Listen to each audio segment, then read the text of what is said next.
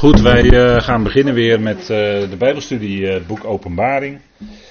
En we zijn inmiddels aangekomen in Openbaring 5. En dit is ook de eerste studie over het profetisch woord in dit jaar 2016.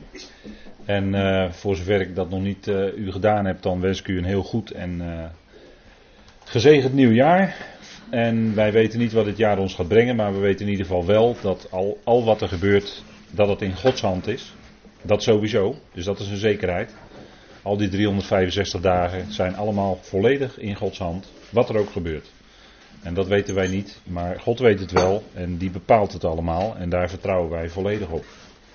Dus wij gaan verder met het profetisch woord en als het aan mij ligt uh, wil ik uh, wat hogere snelheid, dus wat frequenter bij elkaar komen, maar afhankelijk van de agenda en die is soms heel druk, dus uh, dan uh, kan het wel eens even iets langer duren. Maar als het aan mij ligt, gaan we in, uh, met spoed gaan we verder.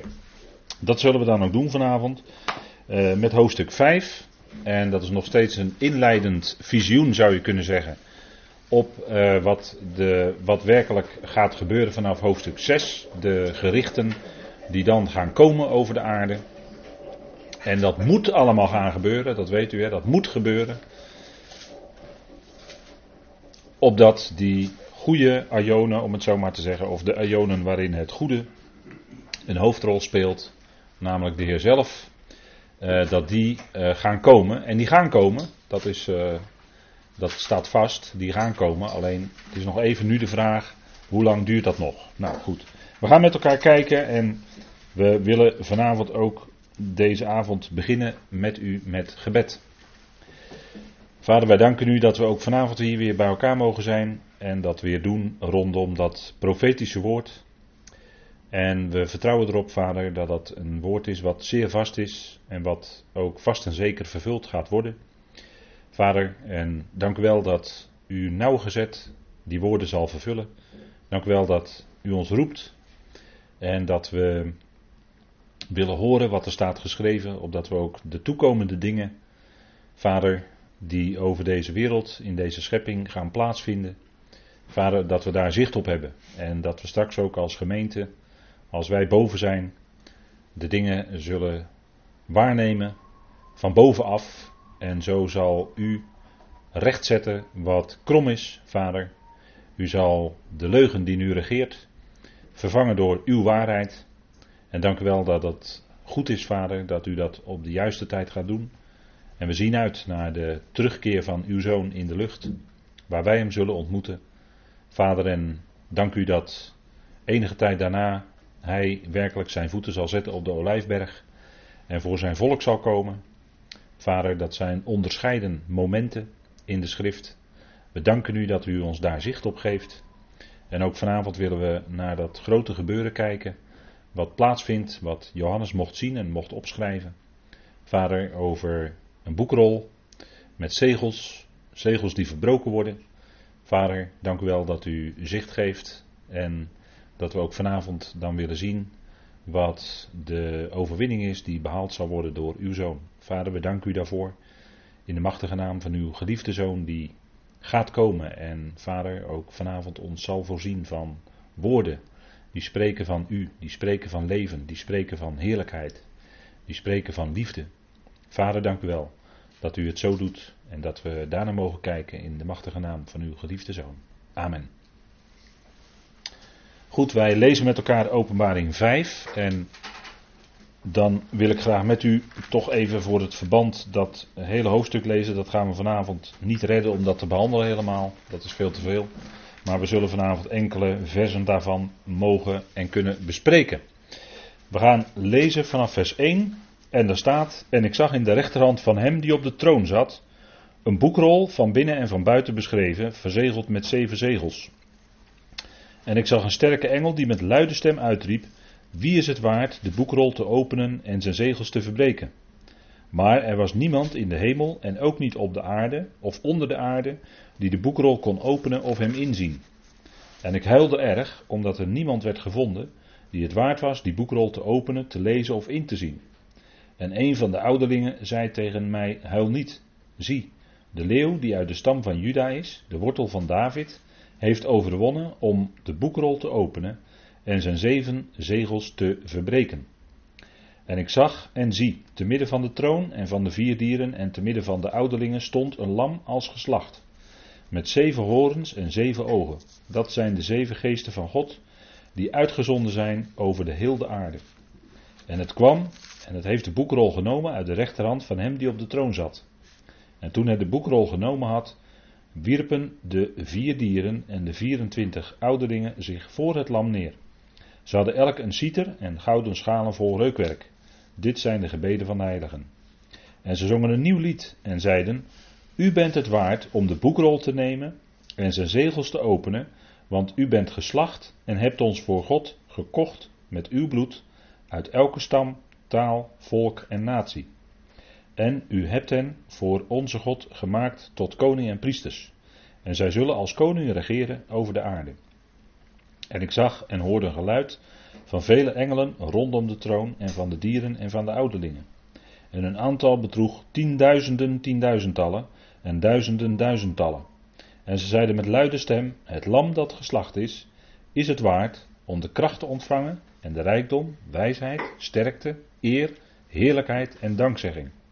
En elk schepsel dat in de hemel en op de aarde en onder de aarde en op de zee is en alles wat erin is, hoorde ik zeggen aan hem die op de troon zit en aan het lam, zij de dankzegging, de eer, de heerlijkheid en de kracht in alle eeuwigheid. En de vier dieren zeiden Amen. En de 24 ouderlingen wierpen zich neer en aanbaden. Tot zover. Een heel hoofdstuk waarin veel staat. En we willen gewoon maar bij vers 1 beginnen. Openbaring 5, vers 1. En dan zijn we nog eigenlijk midden in dat grotere visioen.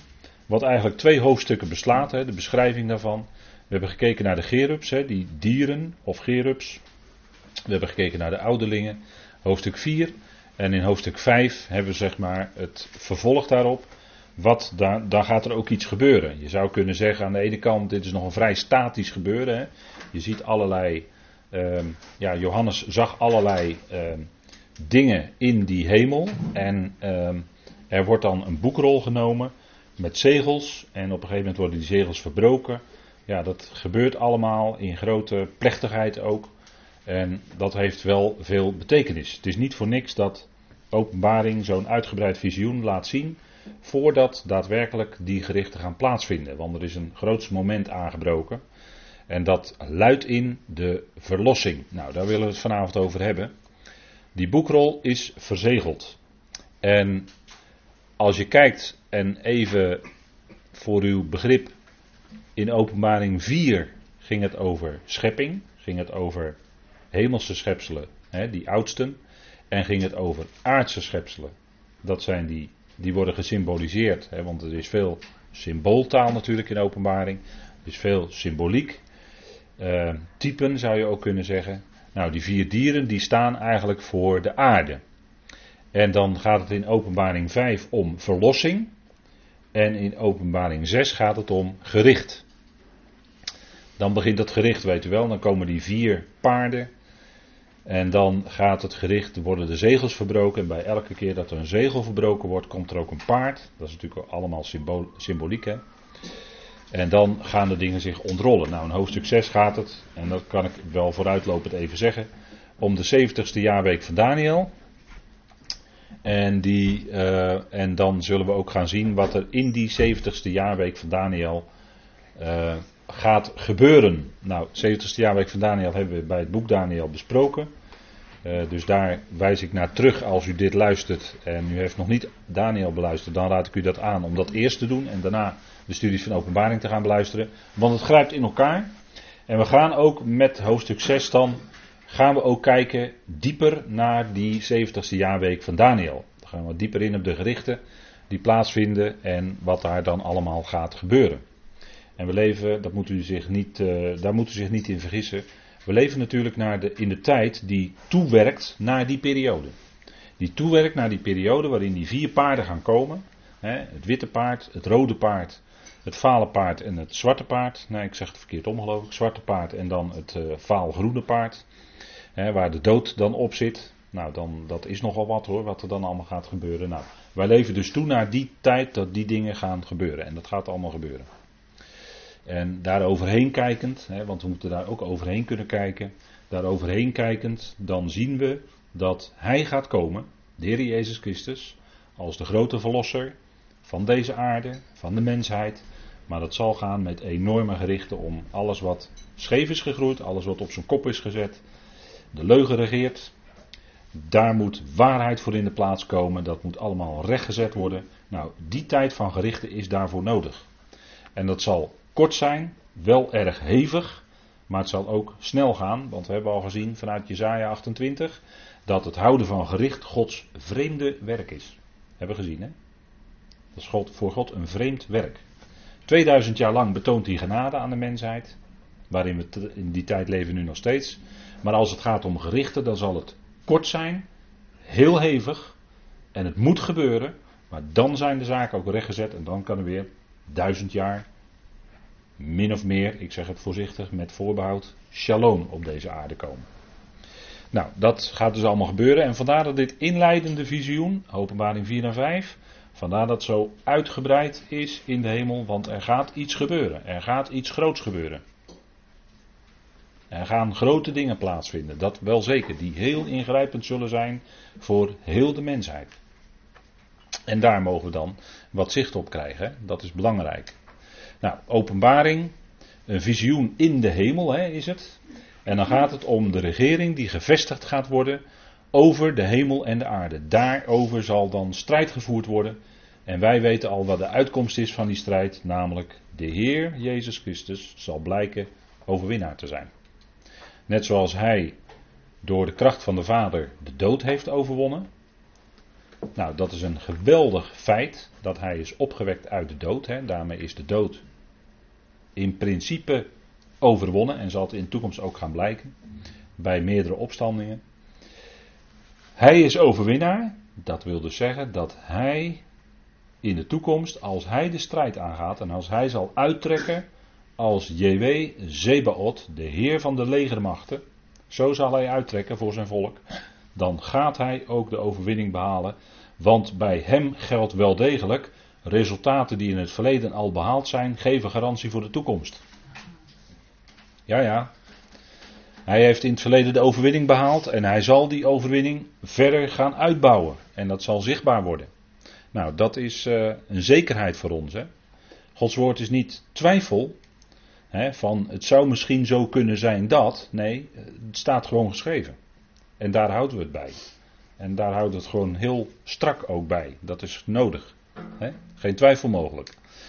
Dat gaat gebeuren en dan zien we dus in openbaring, daar gaat het allemaal om in het vijfde hoofdstuk, die met zeven zegels verzegelde boekrol. En die zegels die gaan verbroken worden dat, dat, dat is in feite waar het om gaat in, in dit hele hoofdstuk, hoofdstuk 5. Als u goed leest, dan ziet u ook dat die boekrol niet gelezen gaat worden. Nee, die zegels worden verbroken, daar gaat het om. Hij kon niet ingezien worden en er was niemand op de aarde die waard was om in te zien, zelfs maar. Maar het ging om het verbreken van die zegels. En wie is nou waardig? Daar gaat het in Openbaring 5 om. Dus we moeten goed kijken naar wat dat te betekenen heeft. Nou, dat gaan we vanavond doen. Die boekrol die zat in de rechterhand van hem die op de troon zat. En u weet dat de rechter of de rechterkant of rechterhand, hoe je het ook zeggen wil, maar het woord wat er staat is eigenlijk rechter. En dat is de plaats van macht. Dat is de plaats waarvan de heerschappij uitgaat. En zo is de Heer op dit moment ook gezeten aan de rechter. En dan zeggen we altijd hand van de Vader. Maar dat is even mensvormig over God gesproken. Hè? Want God heeft natuurlijk niet letterlijk handen, God is geest. Maar dat is de plaats van macht. Dus het gaat hier om een rol in de rechterhand. Heeft te maken met regering, heeft te maken met heerschappij. En het zal uiteindelijk leiden tot de heerschappij van de Heer Jezus Christus als de koning der koningen en de Heer der heren over heel de aarde. Dit, zo hebben we gezien, is ook het troongedeelte van de openbaring, wat begon in hoofdstuk 4, vers 1. En wat zal uitlopen op de voltooiing in hoofdstuk 11, vers 15. En daar wordt dan ook gezegd, want dat citeerde ik net. Daar wordt ook gezegd dat Hij is, de Heer Jezus Christus, is de koning der koningen en de Heer der heren. Dat is hij, maar dat zal, wij weten dat, maar dat zal nog gaan blijken aan die hele aarde. Al die mensen die erop wonen. Maar ook de hemelingen. Daar zal het ook voor gaan blijken. En daar hebben wij dan een speciale bediening voor. Hè? Nou, daar zat een boekrol in. En die boekrol, daar willen we even wat op inzoomen. En we zien daar een, uh, het woord voor boekrol, dat is in uh, het uh, Grieks is dat biblion. Dat is eigenlijk een, dat ion is eigenlijk een verkleinende vorm. Dus het is eigenlijk een boekrolletje, of een rolletje eigenlijk. Het woord boek is eigenlijk ook niet helemaal. Het is eigenlijk een rol, een rolletje. En dat is in het Hebreeuws het woord Megillah. En wij komen dat woord vaker tegen in openbaring. Uh, namelijk dat in hoofdstuk 6, waar dus al die paarden komen, daar zien we dat het uitloopt op dat de hemel wordt teruggerold als een boekrol, staat er dan, als een rol. En dan zullen de schepselen zullen zien wie op de troon zit. En dan zullen ze zich gaan uh, verschuilen, willen verschuilen in de rotsen en in de bergen en in de holen enzovoort. Want ze zullen zeggen, de verontwaardiging van hem die op de troon zit is gekomen en van het lam. En berg je dan maar. Nou, als dat losgaat, die verontwaardiging, dan zullen de mensen op aarde en de schepselen zich ook moeten bergen. Dan zal het ook gaan komen. En uh, wij worden gered, dat weten wij, voor de verontwaardiging. Hè. Ik onderstreep het nog maar eens even. Paulus zegt dat in Thessalonicense. Wij worden gered uit het komen van de verontwaardiging, weet u wel? En als u dat niet goed voor ogen staat, ik heb daar een keer over gesproken afgelopen zomer, vorige zomer. Toen heb ik dat punt duidelijk onderstreept. Wat in 1 Thessalonicense 1 vers 10 staat.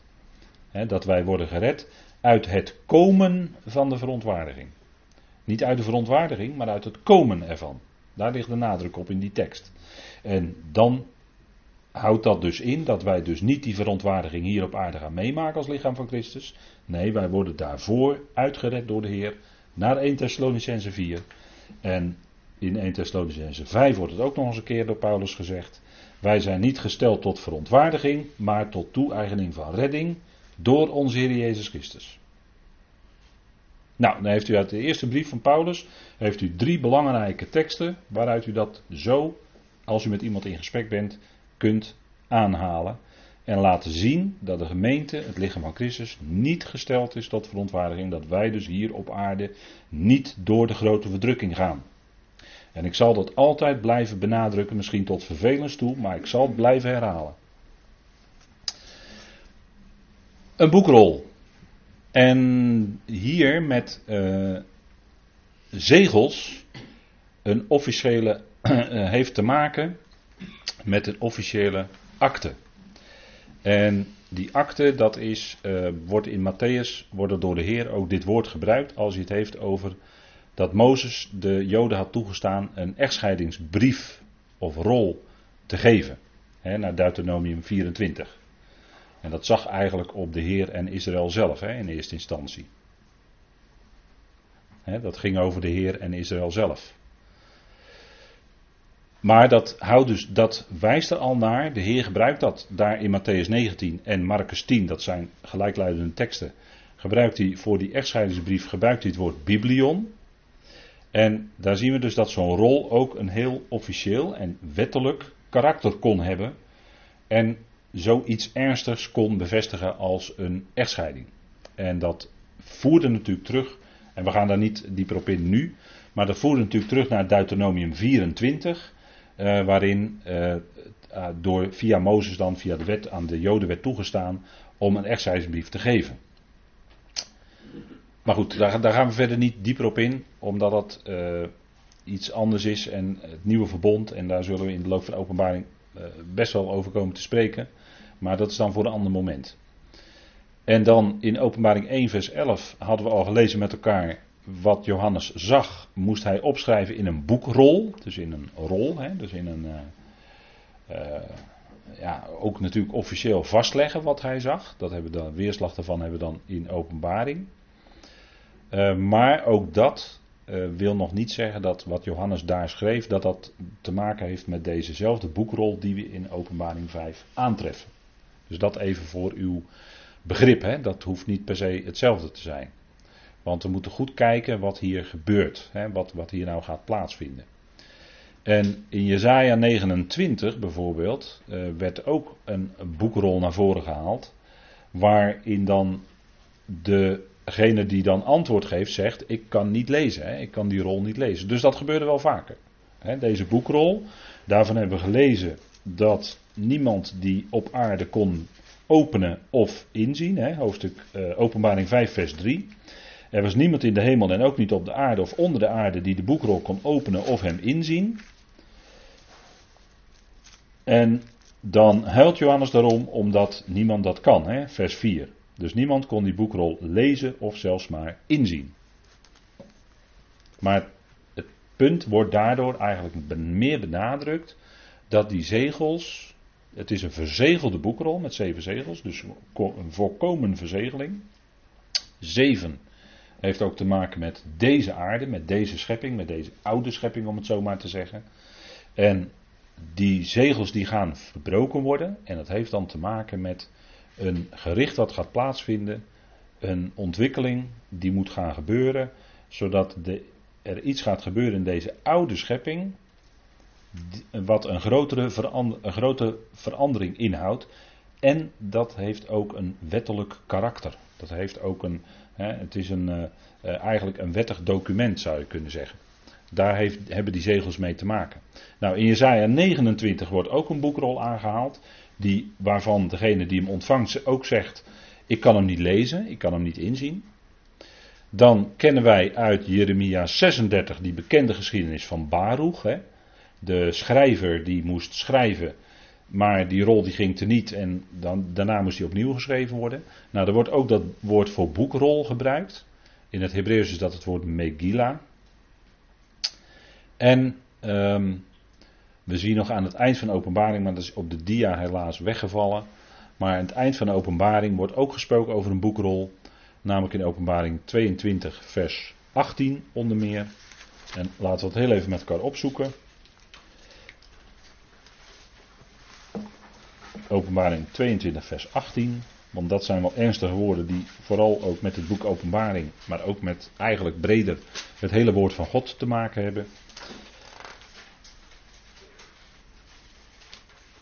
Openbaring 22, vers 18, daar staat: Want ik getuig aan ieder die de woorden van de profetie van dit boek hoort. Als iemand aan deze dingen toevoegt, God zal hem de plagen toevoegen die in het boek beschreven zijn. En als iemand afdoet van de woorden van het boek van deze profetie, zal God zijn deel afdoen van het boek des levens en van de heilige stad, de dingen die in dit boek beschreven zijn. Nou, dat wordt er steeds gesproken over boek, maar dat is dus datzelfde woord boekrol, biblion, wat wij dus ook in openbaring 5 aantreffen. En u ziet dat hier hele ernstige woorden worden geuit om de nadruk erop te leggen dat de dingen die in openbaring beschreven zijn, ja, daar kun je niet mee marchanderen. Dat, dat kun je niet versjacheren. Hè, want er zijn er wel die het woord van God versjacheren in onze tijd. U moet dus weten hoe vaak dat gebeurt, helaas. Maar dat is een hele ernstige zaak. En dat is ook met het boek Openbaring gebeurd.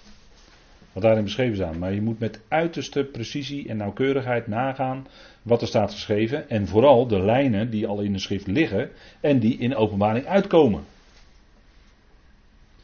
En zo dat boek Openbaring tot zijn recht laten komen. En u moet dus weten hoeveel, u zou eens moeten weten hoeveel commentaren er geschreven zijn vanuit en over het boek Openbaring. Met ja, soms de vreemdste voorstellingen. En dan, ja, dan denk je van, ja, de Bijbel staat vol met symboliek. En er zijn al zo'n duizend bladzijden van de Bijbel dan geweest voordat je een openbaring toekomt, bij wijze van spreken. Maar dan moet je dus wel die symboliek kennen uit de schrift, om dus die open, om dat boek openbaring goed te kunnen verstaan. En als je het wilt toedoen of afdoen aan dit boek, nou, daar staat er nogal wat hè, in openbaring 22. En, en uh, het gaat erom dat wij mensen willen zijn die beven in de goede zin voor het woord van God. Ik bedoel in de goede zin. Voor het woord van God. Namelijk dat wij iedere woord met uiterste precisie en nauwkeurigheid wegen. En dan stapje voor stapje daarmee omgaan. En gaan zien wat de betekenis daarvan is. Maar het, het woord van God kun je niet zomaar uh, vrijmachtig uitleggen. Kan niet zomaar jouw gedachten daarbij van ik denk en ik vind en ik voel en u weet wel wat mensen dan allemaal kunnen zeggen. Nee, de schrift legt zichzelf uit. De schrift verklaart zichzelf. Wij hoeven de schrift ook niet te verdedigen. De schrift verdedigt zichzelf wel. Die waarheid van het woord komt altijd naar voren. En de leugen zal op een gegeven moment moeten wijken. Want de waarheid, ja dat is een bekend gezegde. De waarheid duurt het langst. Nou dat klopt ook, want Gods woord is de waarheid. En dat gaat heel lang duren hoor. Dat duurt alle ionen door en daarna ook nog. Dus wij, als we bezig zijn met het woord van God, is dat wel iets wat ernstig is, omdat je daar niet aan toe kan voegen of af kan doen. Dus je moet ieder woord, je moet, ik zou willen zeggen, iedere letter moet je bij wijze van spreken op zijn plaats laten staan waar het staat. En in het tekstverband nagaan wat de betekenis ervan is. Anders kun je de Bijbel alles laten zeggen. dan op de, op de, toen ik nog op de Bijbelschool zat, toen uh, zei de leraar ook van, anders wordt het inlegkunde. En inlegkunde, daar zijn we ook als mensen goed in. Of je gaat ermee aan de haal en je, dan kan je de Bijbel laten buikspreken, werd er ook wel eens gezegd. Dat is ook zo'n opmerking die me heel goed is bijgebleven. Je kan de Bijbel ook laten buikspreken, namelijk andere dingen laten zeggen dan dat hij werkelijk zegt. En daarom is het goed om daarmee bezig te zijn, om te ontdekken wat het woord van God nou echt te zeggen heeft, wat het nou echt betekent. En dat er dan boze mensen zijn die heel boos zijn, want, want wat gezegd wordt gaat tegen de traditie in. Nou, dan ben ik wel blij hoor met die boosheid. Want uh, de heer Jezus die liep keihard tegen precies dezelfde aan natuurlijk. Hè? Moet eens, moet eens lezen in Johannes wat hij allemaal tegen de Joden zei die met tradities aankwamen. Moest kijken. Nou, dan nam hij geen blad voor de mond hoor. Als het ging om een woord van zijn vader. Oh, wacht even, wacht even. Nee, dan, uh, dan nam hij geen blad voor de mond. Dan was hij superscherp. Hè? En Johannes de Doper die zei het ook, hè? Over de Joden. Hè? Die zei adderen gebroed. Nou, denk er maar eens over na. Dat zei de Heer Jezus ook. Jullie hebben de diabolos tot vader, zei hij tegen ze. Johannes 8 staat dat allemaal gewoon hoor. Het zijn niet mijn woorden, maar het zijn de woorden die de Heer zelf zei tegen de Joden. Jullie hebben de diabolos tot vader, niet Abraham. hij keek geestelijk naar die Joden. Hij keek daar geestelijk naar, naar die leiders. dat, zo, zo, is het wel, hè. Zo, die dingen worden gezegd in de schrift. Maar waar het om gaat is dan dat die tradities, omdat die tradities belangrijker waren geworden in de praktijk dan het woord van God zelf, ja, daar fulmineerde de Heer tegen. Daar spuwde die vuur hoor. En terecht, denk ik. Hè? Nou, niet toevoegen, niet afdoen. We hebben met hele ernstige dingen te maken. En denk erom wat in openbaring staat dat er nog gaat gebeuren. Dat is niet verleden tijd hoor. Dat zegt de zogenaamde historische school wel in de theologie. Maar denk erom dat dit nog gaat gebeuren hoor. Dit is nog lang niet allemaal vervuld. Absoluut niet. En dat is aantoonbaar dat het nog niet vervuld is. Dat is aantoonbaar. maar dit is nog allemaal toekomst. Dit gaat nog gebeuren. Nou, biblion, boekrol. Hè? dat woord, Hebreeuwse woord Megillah betekent eigenlijk rol. Hè? Uh, het is afgeleid van het Hebreeuwse stamvorm galal. Dat betekent rollen. En daar is ook van afgeleid het woord goel bijvoorbeeld. Daar zullen we vanavond nog wel meer naar kijken. Goel, hè, losser. Het heeft ook te maken met, en dat is even een zijspoor, met het woord gimel, kameel. Hè. Dus heb je ook die, die gimel en die lamet heb je dan ook, hè, die twee letters. En dan staat er een meem tussen, maar die woorden hebben dan wel verband met elkaar vanuit het Hebreeuws. Maar het woord galal, dat heeft, daarvan is het woord megila afgeleid, dat betekent rol of rollen. Hè. En het woord sefer heb je ook, dat is namelijk dat wat geschreven is. Hè? Dat wijst naar het geschrevene, sefer. En de, dat wordt ook gebruikt voor de schrijvers, hè? degene die de boekrollen nauwgezet overschreven. Lange tijd was er alleen boekrollen bekend uit uh, pakweg de tweede, tweede helft van het eerste millennium, dus 500 tot 1000 na Christus. En toen vonden ze in Qumran de Jezaja-rollen. Onder andere, hè, de, de, de beroemde vondst van de rollen. En toen zijn ze ver, gaan vergelijken met de rollen die toen de Mazoreten hadden en de rollen die dan in die grotten van Qumran zijn gevonden. Die zijn ze met elkaar gaan vergelijken en bleek gewoon dat ze uiterst nauwkeurig waren overgeschreven. Zo heeft God door zijn volk over zijn woord gewaakt. Hè? De, de, de wijzigingen die waren minimaal in feite. Waren allemaal van ondergeschikt belang, had geen, uh, had geen invloed op de betekenis van de tekst. Zo betrouwbaar is Gods woord overgeleverd. want die Qumran-rollen die dateren dus van ver voor de komst van onze Heer. En, en het bleek dus dat in al die honderden, honderden jaren, misschien wel duizenden jaren, dat die zo nauwkeurig die rollen waren overgeschreven. Dat Gods woord is, is bewaard geworden, is bewaakt geworden door God zelf. Die heeft daar zelf over gewaakt. Nou, daarom is het zaak om daar ehm, goed bij stil te staan, hè? elke keer weer. Dus de rol, hè, Sefer, wat geschreven is, het geschrevene. En je zou misschien kunnen denken aan Daniel, dat hebben we met elkaar gezien, hè? Daniel 12. Daar had Daniel ook een rol, hè? Dat, maar dat was de profetie van Daniel zelf. Hè? Er staat bijvoorbeeld in Daniel 12, vers 4. Maar jij, Daniel, houd deze woorden geheim en verzegel dit boek tot de era van het einde. En velen zullen het onderzoeken. En dan staat er in de vertalingen, en de kennis zal toenemen. Maar eigenlijk staat er, het kwaad zal toenemen. En dat heeft te maken met een één letter in het Hebreeuws, de letter Dalet. Daar begint het woord voor kennis mee. Maar als je een klein hoekje van die letter weghaalt, heb je de, de letter Resh. De Dalet en de Resh in het Hebreeuws lijken heel veel op elkaar. En als je dat kleine hoekje van die Dalet weghaalt, dan heb je de Resh en dan lees je ineens Ro. Resh Ayin in het Hebreeuws. En dan is het kwaad. Het kwaad zal toenemen. En dat is wat gebeurt. Velen zullen het onderzoeken en het kwaad zal toenemen. En wij leven in de tijd waarin het kwaad hand over hand opstapelt en toeneemt. Of wou u dat ontkennen? Dat wou u toch niet ontkennen, zeker? Hè? Het kwaad is nu op zo'n grote schaal gebeurd. Het. In allerlei vormen, in allerlei soorten, op welk terrein je ook maar wil gaan kijken. Maar overal is het kwaad aanwezig. En hoe komt dat? Nou, dat komt om wat Johannes zegt: de hele wereld ligt in het boze. En de tegenstander is de God van deze eon, zei Paulus al hè, in 2 Korinthe 4, vers, uh, wat is het, 4? En hij verblindt de zinnen van de, van de mensen.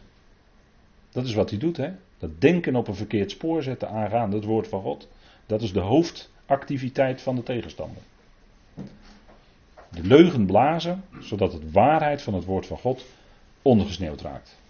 En dat doet hij bijvoorbeeld door twee evangelie met elkaar te vermengen op een heel geraffineerde manier. Dat is ook een vorm van kwaad hoor, een meng-evangelie. Wat dacht u wat? Dat is ook een vorm van kwaad. Want het zet je niet in de goede richting. Je blijft in de mist binnen meng-evangelie. Je ziet niet hoe het zit. Je bent in verwarring. Ook een vorm van kwaad hoor. Maar als je scherp zicht gaat krijgen. En je ziet wel die twee evangeliën. Gelaten brief. En als je daar scherp zicht op wil krijgen, dan raad ik u dringend aan, als u dit misschien later luistert, om die studies over de gelatenbrief te gaan luisteren. Want dan krijg je zicht hoor. Door de gelatenbrief. Absoluut. Twee lijnen. Het woord der waarheid moet je recht snijden. er staat orthotomeo in het Grieks. Hè? Recht snijden. In, uh, ik heb het nu over het woord van de waarheid. Je moet de waarheid, het woord van de waarheid, dus je moet de waarheid, moet je recht snijden, staat er dan. En dat woord recht snijden is in het Grieks ortho, dat kent u wel van orthodox. En van tomeo, dat is snijden. Dat moet je dus recht snijden, dat woord van de waarheid. Dus je moet een waarheid laten staan, want toen waren er Hymenaeus en Philetus en die zeiden dat de opstanding al gebeurd was. Die plaatsten een waarheid van de toekomst, namelijk de opstanding, in het verleden. Maar als je het woord van de waarheid recht snijdt, dan ga je aan de hand van de schrift zien dat die opstanding, die uitopstandingen, dat die nog in de toekomst liggen. Want dat is wat Gods woord zegt. En dan snijd je het woord de waarheid recht. En dan laat je een waarheid voor een bepaalde tijd ook staan voor de tijd voor waar, waarvoor het bedoeld is. We leven dus nu in de tijd van de genade en we leven dus nu niet in de tijd dat het koninkrijk komt op aarde. Nee, we leven in het beheer van het geheimenis. Dat is wat de schrift zegt. En we leven nog niet in de tijd dat we moeten bidden, uw koninkrijk komen. Dat komt wel, dat komt wel. Maar dat is niet ons gebed. Wij bidden de gebeden zoals de apostel Paulus die in zijn brieven aangeeft. En het koninkrijk dat komt heus wel, maar dat is een gebed voor Israël wat zij zullen bidden en dan gaat het koninkrijk ook komen dan in die tijd. Ja, dat anders, anders ligt het niet. En de waarheid voor vandaag is het evangelie van de apostel Paulus. Dat is de waarheid die vandaag moet klinken. als je het niet doet, dan kom je bij een mengevangelie, dan ga je dingen met elkaar vermengen. En dan zit je in de mist en dat is kwaad. Dat is een vorm van kwaad. Sorry, maar het is niet anders. En Daniel, die moest die woorden verzegelen. Hè? Want er zijn ook woorden, kennelijk, die moeten verzegeld blijven tot de era of de tijd van het einde. Hè? En dat, dat, dat, dat woord geheim is eigenlijk letterlijk in het Hebreeuws stoppen. Hè? In de concordante vertaling staat er dan to stop up. En dat is in het Hebreeuws het woord satam. Satam. Betekent stoppen. En als je iets stopt, dan woorden, als je woorden stopt, dan wil je dat ze dus verborgen blijven. Dan laat je ze niet uitgaan, maar dan stop je ze. En dan houd je ze achter. He, vandaar het woord geheim hier. dat is niet strikt genomen het, woord, het Hebreeuwse woord voor geheim of geheimenis, want dat is eigenlijk satar. Maar hier staat het woord satam. Dat is de samech, de tet en de meem. dus de, als ik het goed zeg, de 9, de 400 en de 40. Nou, dus die woorden moesten gestopt worden tot de era van het einde. en dat woord era, dat, dat, dat, dat is eigenlijk een al, vrij algemeen woord voor tijd in het Hebreeuws. Uh, maar hier doelt Daniel natuurlijk op een specifieke periode. En dan gaat het echt om die tijd waar hij, waar hij over schreef. Die tijd uh, die ook uh, bijvoorbeeld hier in het boek Openbaring aan de orde komt. Hè? De era van het einde. Nou, dus velen zullen het onderzoeken. Zegt Daniel dan. En het kwaad zal dus toenemen. Nou, dat gebeurt in deze tijd. Hè? De leugen regeert daar zijn ook boeken over geschreven. En we hadden het vooraf heel even over het journaal. Maar daar zijn boeken over geschreven van mensen die vroeger bij de journaalredactie zaten. En die daar boeken over schrijven dat er wordt, eh, nieuws wordt achtergehouden. Er wordt nieuws wordt gemanipuleerd. Wordt op een andere manier gepresenteerd aan de mensen in het journaal dan wat de werkelijkheid is. Dat boek heet Ander Nieuws en het is geschreven door Janneke Monshouwer. Dus gaat u maar daar eens op googlen. Hè? Dan kunt u dat terugvinden. want dat zijn niet dingen die ik zeg, maar het zijn dingen die mevrouw Monshouwer zegt. En die heeft zelf bij het journaal gewerkt. Dus die weet van binnenuit hoe het werkt. Dus het is, ik geef het maar even mee, hè, dat u eh, daar meer zicht op krijgt. Janneke, Janneke Monshouwer. Met OU. Het boek heet Ander Nieuws en het is het eerste deel en er komen er nog meer uit. Dus voor, voor in 2014 verschenen. En dit is maar één boek wat ik noem. Hè. Ik, kan, ik, kan u nog, ik kan u nog een rijtje boeken noemen hoor. Maar dit is één boek wat ik noem. En daarmee ook een vorm van. Dit is ook een vorm van kwaad natuurlijk. Hè. Dit is ook een vorm van kwaad. Wat u voorgeschoteld krijgt dat is niet allemaal precies zo zoals het u het voorgeschoteld krijgt. En dat is niet eerlijk. Dat is niet eerlijk. Maar dit is wel aan de hand.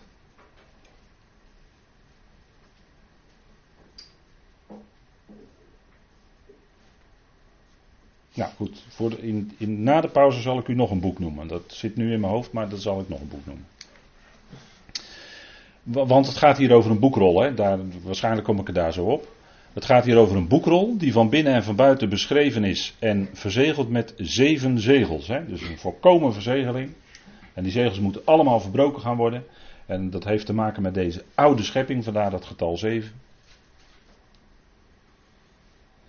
En een zegel is natuurlijk een uh, zekerheidsstelling. En als het verbroken wordt, ja, dan moet er iets gaan gebeuren. En het gaat hier om, ik liet het daarnet al heel even klinken. Het gaat hier om een wettig, waarschijnlijk om een wettig document. Of het beeld van een wettig document. Wat opengebroken moet worden, zodat wat erin staat, ook die wettigheid aan de orde kan komen en dat ook bevestigd gaat worden. Nou, het is geschreven van binnen en van buiten. Uh, letterlijk staat er dan, uh, het is van binnen, um, ja, naar binnen uh, beschreven. En van buiten, heel letterlijk, als je het heel letterlijk vertaalt, is het eigenlijk aan de achterkant. Dus je zou kunnen zeggen, als je het openrolt, dan is de voorkant, wat je direct ziet, is beschreven. En ook de achterkant, als je dat ziet, is ook beschreven. En het is hier vertaald met van binnen en van buiten. Dat is op zich niet echt een verkeerde vertaling. Maar het is niet helemaal. Maar het, is, het gaat erom dat dus die boekrol beschreven is aan twee kanten. En wat wil dat nu zeggen? Nou, het woord van God, het woord van God, heeft verschillende aspecten. Als we bijvoorbeeld kijken naar de Torah, de wet van Mozes, dan heeft hij het ene aspect waar de apostel Paulus op wijst in 2 Korinthe 3, is dat het een bediening is van de dood. Het is een bediening van veroordeling. dat zijn de woorden die Paulus gebruikt in 2 Korinthe 3.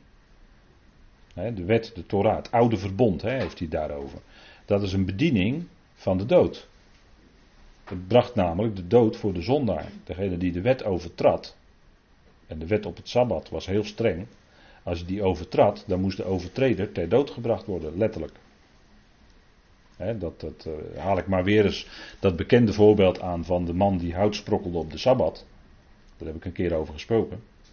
En die moest ter dood gebracht worden naar de wet. Naar de letter van de wet moest hij ter dood gebracht Vandaar dat Paulus zegt: het is een bediening van de dood. Dat is de ene kant. Dat is, zou je kunnen zeggen, als je dat wil, de buitenkant. Misschien heeft u er nooit zo tegen aangekeken. Maar zou je kunnen zeggen, hè? dat is de buitenkant. Maar je hebt ook de binnenkant. En dat is wat anders, maar daar gaan we het zo over hebben. Kijk, Paulus zegt over die wet in Colossense 2, vers 14. En hij, noemt, hij spreekt daarover en dan noemt hij het door de inzettingen tegen ons gerichte handschrift uitwissend. Dat is aan het kruis gebeurd. Zegt Paulus in Colossense 2. Concordante vertaling. Het tegen het door de inzettingen tegen ons gerichte handschrift uitwissend. Aan, aan het kruis nagelend. Dus daarmee luidde in feite dat in het einde van die wet. In die zin. Zeg ik er dan bij. Want Paulus maakt ook een kleine nuance. In die zin. Dat het een bediening is van de dood. Dat het veroordeling brengt. Want door het kruis is natuurlijk een enorm iets gebeurd. Door het kruis werd namelijk die hele oude mensheid, het vlees, werd mede gekruisigd. Dus daar werd aan het kruis eigenlijk mee afgerekend. Het werd mede gekruisigd. Dat wil zeggen, het ging met hem, gezamenlijk met hem. Romeinen 6, vers 6. Gezamenlijk met hem werd die hele oude mensheid mede gekruisigd. En daarmee zouden wij ook rekenen in de praktijk van ons leven. dat is Romeinen 6 allemaal.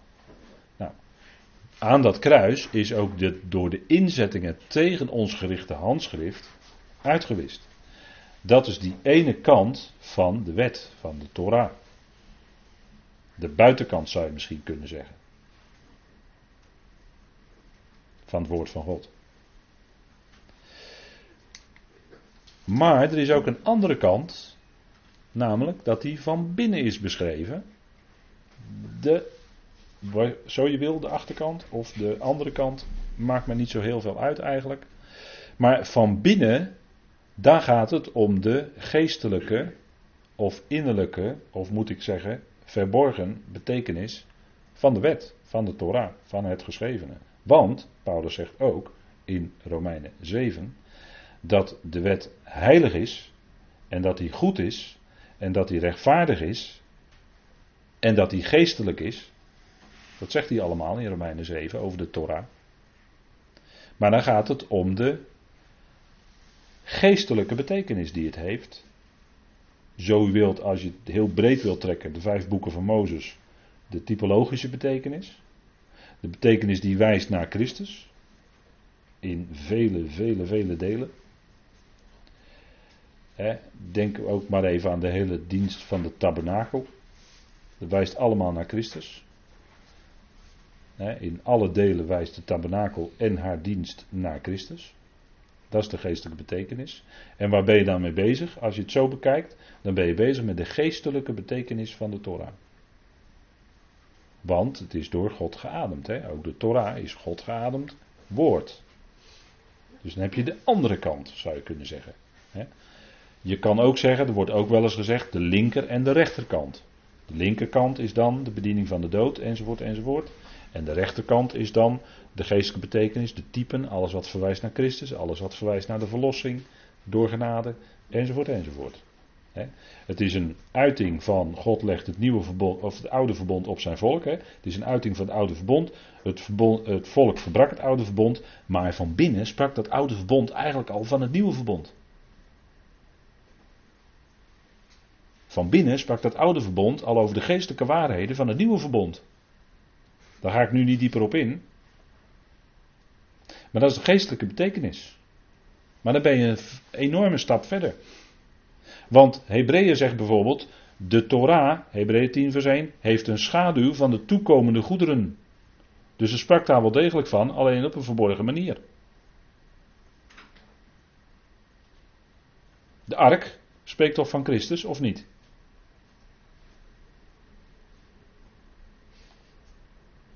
Op allerlei mogelijke manieren, maar spreekt van Christus. Dat zegt Paulus toch in Romeinen 3, vers 25. Over het verzoendeksel. Dat past Paulus toch toe naar Christus? Romeinen 3, vers 25, het hilasterion. De caporet, het verzoendeksel, spreekt van Christus. Zijn bloed is daarop gesprengd. Hij spreekt over het bloed van Christus, het geloof in zijn bloed. Dat bloed dat erop gesprengd werd op die ark één keer per jaar door de hoge priester, dat spreekt van het bloed van Christus. Dat zegt Paulus toch allemaal in Romeinen 3? Nou, dat is de geestelijke betekenis van de wet. Daar is Paulus dan mee bezig. Dat is de rechterkant. Of de binnenkant, zo je zeggen wilt.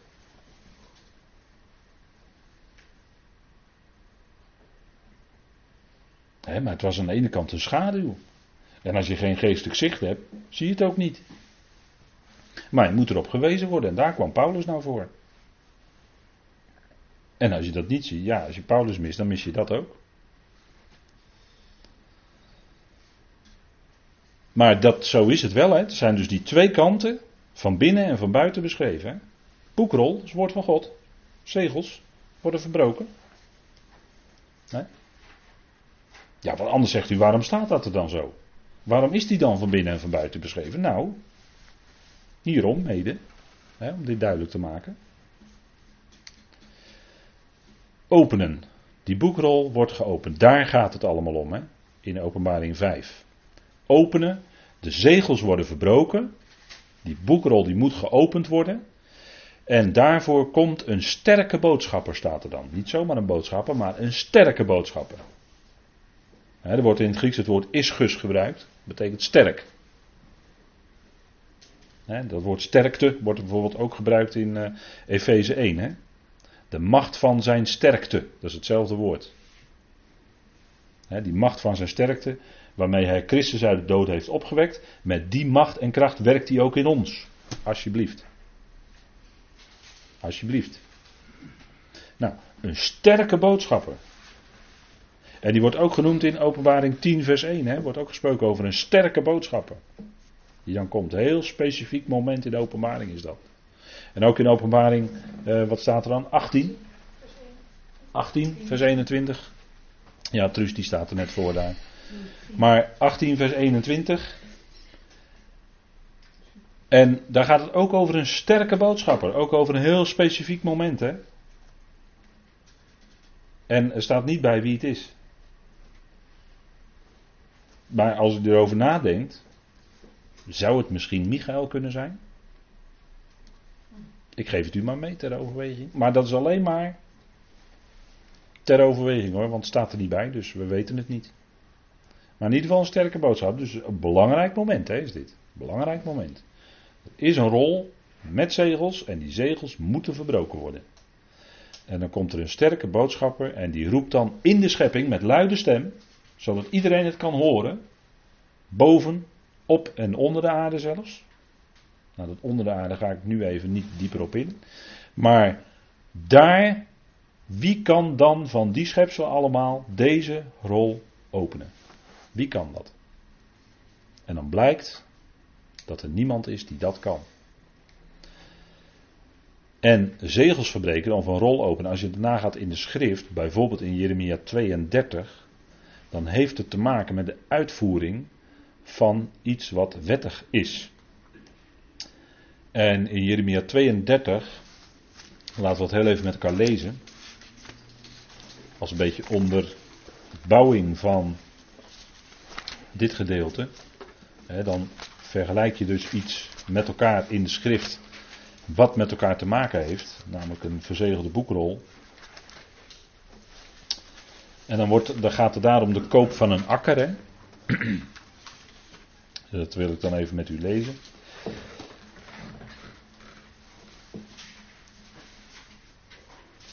En er staat in Jeremia 32, vers 6. En dat is waarschijnlijk voor u wel een bekend gedeelte, neem ik aan.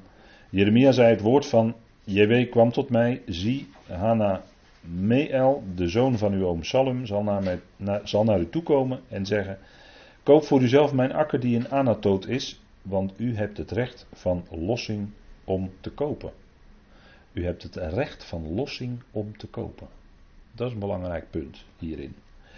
Hanameel, de zoon van mijn oom, kwam overeenkomstig het woord van JW naar mij toe op het, op het binnenplein van de wacht. En hij zei tegen mij: Koop toch mijn akker, die in Anatoot is, dat in het land van Benjamin is, want u hebt het recht van bezit en u hebt lossing. Koop voor uzelf. Toen wist ik dat dit het woord van JW was. Dus kocht ik van Hanameel, de zoon van mijn oom, de akker die in Anatoot is. Ik woog voor hem het geld af, 17 sikkel zilver. Ik ondertekende de brief en verzegelde die en liet door getuigen bevestigen dat ik het geld op een weegschaal had afgewogen. Ik nam de koopbrief, die volgens het gebod en de verordening verzegeld was, en de opengelaten brief. En gaf de, gaf de koopbrief aan Baruch, de zoon van Neria, de zoon van Magesja, Magsea, sorry, voor de ogen van Hanameel, mijn oom, voor de ogen van de getuigen die de koopbrief hadden ondertekend, voor de ogen van alle Judeërs die op het binnenplein van de wacht zaten. Ik gaf Baruch voor hun ogen opdracht en zei: Zo zegt JW van de legermachten, de God van Israël, neem deze brieven, deze koopbrief, de verzegelde en deze opengelaten brief, en doe ze in een aardepot, zodat ze vele dagen in goede staat blijven. Want zo zegt de Heer van de legermachten, de God van Israël, er zullen weer huizen en akkers en wijngaarden gekocht worden in dit land. Dus je ziet dat hier een boekrol is die verzegeld is, en die is voor lossing, die Jeremia ook kocht voor zilver. En zilver in de Bijbel heeft te maken met lossing of verlossing. Want dat is eigenlijk, verlossing is eigenlijk hetzelfde woord, alleen intensiever. Hè? Daar staat er ver voor, verlossing. En dat wordt, dat wordt uitgedrukt met zilver. Vandaar dat de voeten van de zuilen in de, of de pilaren in de tabernakel ook van zilver waren. Dat duidt op het verlossingswerk van onze Heer. Zilver. En de ark was overtrokken met goud. En dat heeft weer een andere betekenis. En er zat ook uh, in die pilaren zat ook hout, hè? dat had ook een bepaalde betekenis, maar de voeten waren van zilver. Zilver heeft in de schrift altijd te maken met lossing of verlossing. En het gebeurt ook hier, 17 sikkel zilver. En wij kennen dat nog in het Frans, dat is het woord argent, dat is eigenlijk zilver, maar het betekent ook geld. Hm? Ik ken niet veel Frans, maar dit is een van de weinige woorden Behalve eh, papa fume la pipe. Voor de rest weet ik er niks van. Maar argent is zilver, dat weet ik dan ook. Dat is een van de weinige woorden die ik nog heb overgehouden. En zilver is dus een beeld van lossing. En dat had hier te maken met die koopbrief. En die koopbrief was verzegeld. Pas als er iets gekocht moest worden, dan moesten die zegels dus verbroken worden. En dat is de achtergrond hier ook van openbaring. Hier is ook een boekrol die verzegeld is. En die zegels moeten verbroken worden opdat er lossing komt, opdat er verlossing komt. Dit is een duidelijke symbolische handeling uiteraard, maar waarmee duidelijk wordt gemaakt dat er iets wettigs gaat gebeuren, namelijk dat het land, dat de aarde weer terugkomt in de handen bij wie het hoort te zijn, namelijk de handen van de Heer. En als het gaat om het land Israël, staat in Leviticus dat het land van JW is. Staat in Leviticus 25. Hè? JW zegt: Het land is van mij. En dan ben je eigenlijk gelijk klaar. Hè? Als, je in de, als je nu in, de, de, in Israël gaat kijken, dan zie je dat er allerlei oneenigheid over is, over het land. Dat er allerlei resoluties genomen zijn door de Verenigde Naties. Maar als je in Leviticus kijkt, dan ben je heel snel klaar, want dan zegt JW: Het land is van mij. Klaar, dan ben je gelijk klaar. En hij geeft het aan wie hij wil. Nou, hij geeft het aan Israël. Klaar. Dan ben je, het is zo simpel. Het is zo eenvoudig allemaal. Dan ben je gelijk klaar. Dan kan de hele VN naar huis. En dan kunnen we allemaal naar huis. En dan gaat Israël gewoon in zijn land wonen. En dan ben je klaar. Bovendien, de hele aarde is van mij, hè, zegt de Heer. Staat in Psalm, hè, Psalm 25 geloof ik. De hele aarde is van mij, zegt de Heer. Nou, en als hij dan toedeelt de grenzen hè, van ieders land, als hij dat toedeelt, nou, dan deelt hij dat zo toe. En dan ben je eigenlijk gelijk klaar. En inderdaad klinkt er nu terecht muziek, want daar zit wel muziek in hoor. Als de Heer dat, die hele aarde gaat bevrijden, nou dan hoor ik wel muziek, ja, inderdaad. Goede muziek. Zeker. Dat is wel toepasselijk. Bedankt, broeder. Maar we zien hier dus dat er iets wettigs gaat gebeuren. Die zegels worden verbroken, die rol gaat open. En dat heeft dus te maken met eigendom. Van wie is eigenlijk deze aarde? Is die van de mens? De mens verdeelt in onze tijd deze aarde in zijn hoogmoed. En de mens gaat onderhandelen over stukjes land. En de mens gaat stukken land van anderen veroveren. En meent daarop recht te hebben. Wacht even, wacht even. En dat gaat in de, in de nabije toekomst dus gebeuren. Dan zegt de Heer: Wacht even. Het is van mij. En dat zul je weten ook. Ja, en dan gaat hij dus zijn eigendomsrechten laten gelden. En dan komt de Heer Jezus Christus als de grote Goel. Van het Hebreeuwse werkwoord galal, hè, rollen. En die gaat de hele zaak hier omverrollen. En dan komt er een enorme steen die gaat naar beneden rollen en die gaat de hele aarde vullen. Dat is wat Daniel 2 vers 44 zegt. En hij is die steen. Hij is die koning van dat koninkrijk. Wat dacht je wat? Hij is de grote koning. En hij gaat komen en daarom worden die zegels verbroken. Dat heeft daarmee te maken dat hij komt als de Goel. Dat hij komt om dat land te verlossen. Om die zegels te verbreken. Want er is maar één in het hele universum die dat kan doen en dat is het lam. Dat is hij. Natuurlijk, hij is de enige. Hij heeft alle aanspraak om dat te kunnen doen. Nou, en hij komt. En hij zal verlossen. Hij zal komen als de grote Goel. Als de grote losser. Waarom? Omdat hij de zoon van Adam is. Omdat hij de zoon van David is. En omdat hij de zoon van Abraham is. Alsjeblieft. hij heeft alle aanspraken op de troon. En niemand anders dan hij. Zullen we nou toch krijgen? De mens is een hoogmoed. Het gaat aan de kant, al die hoogmoed. He, dat is wat Jezaja ook zegt. Al wat verheven is, zal vernederd worden. He, Jezaja 2. Alles wat verhoogd is, zal vernederd worden, want hij komt.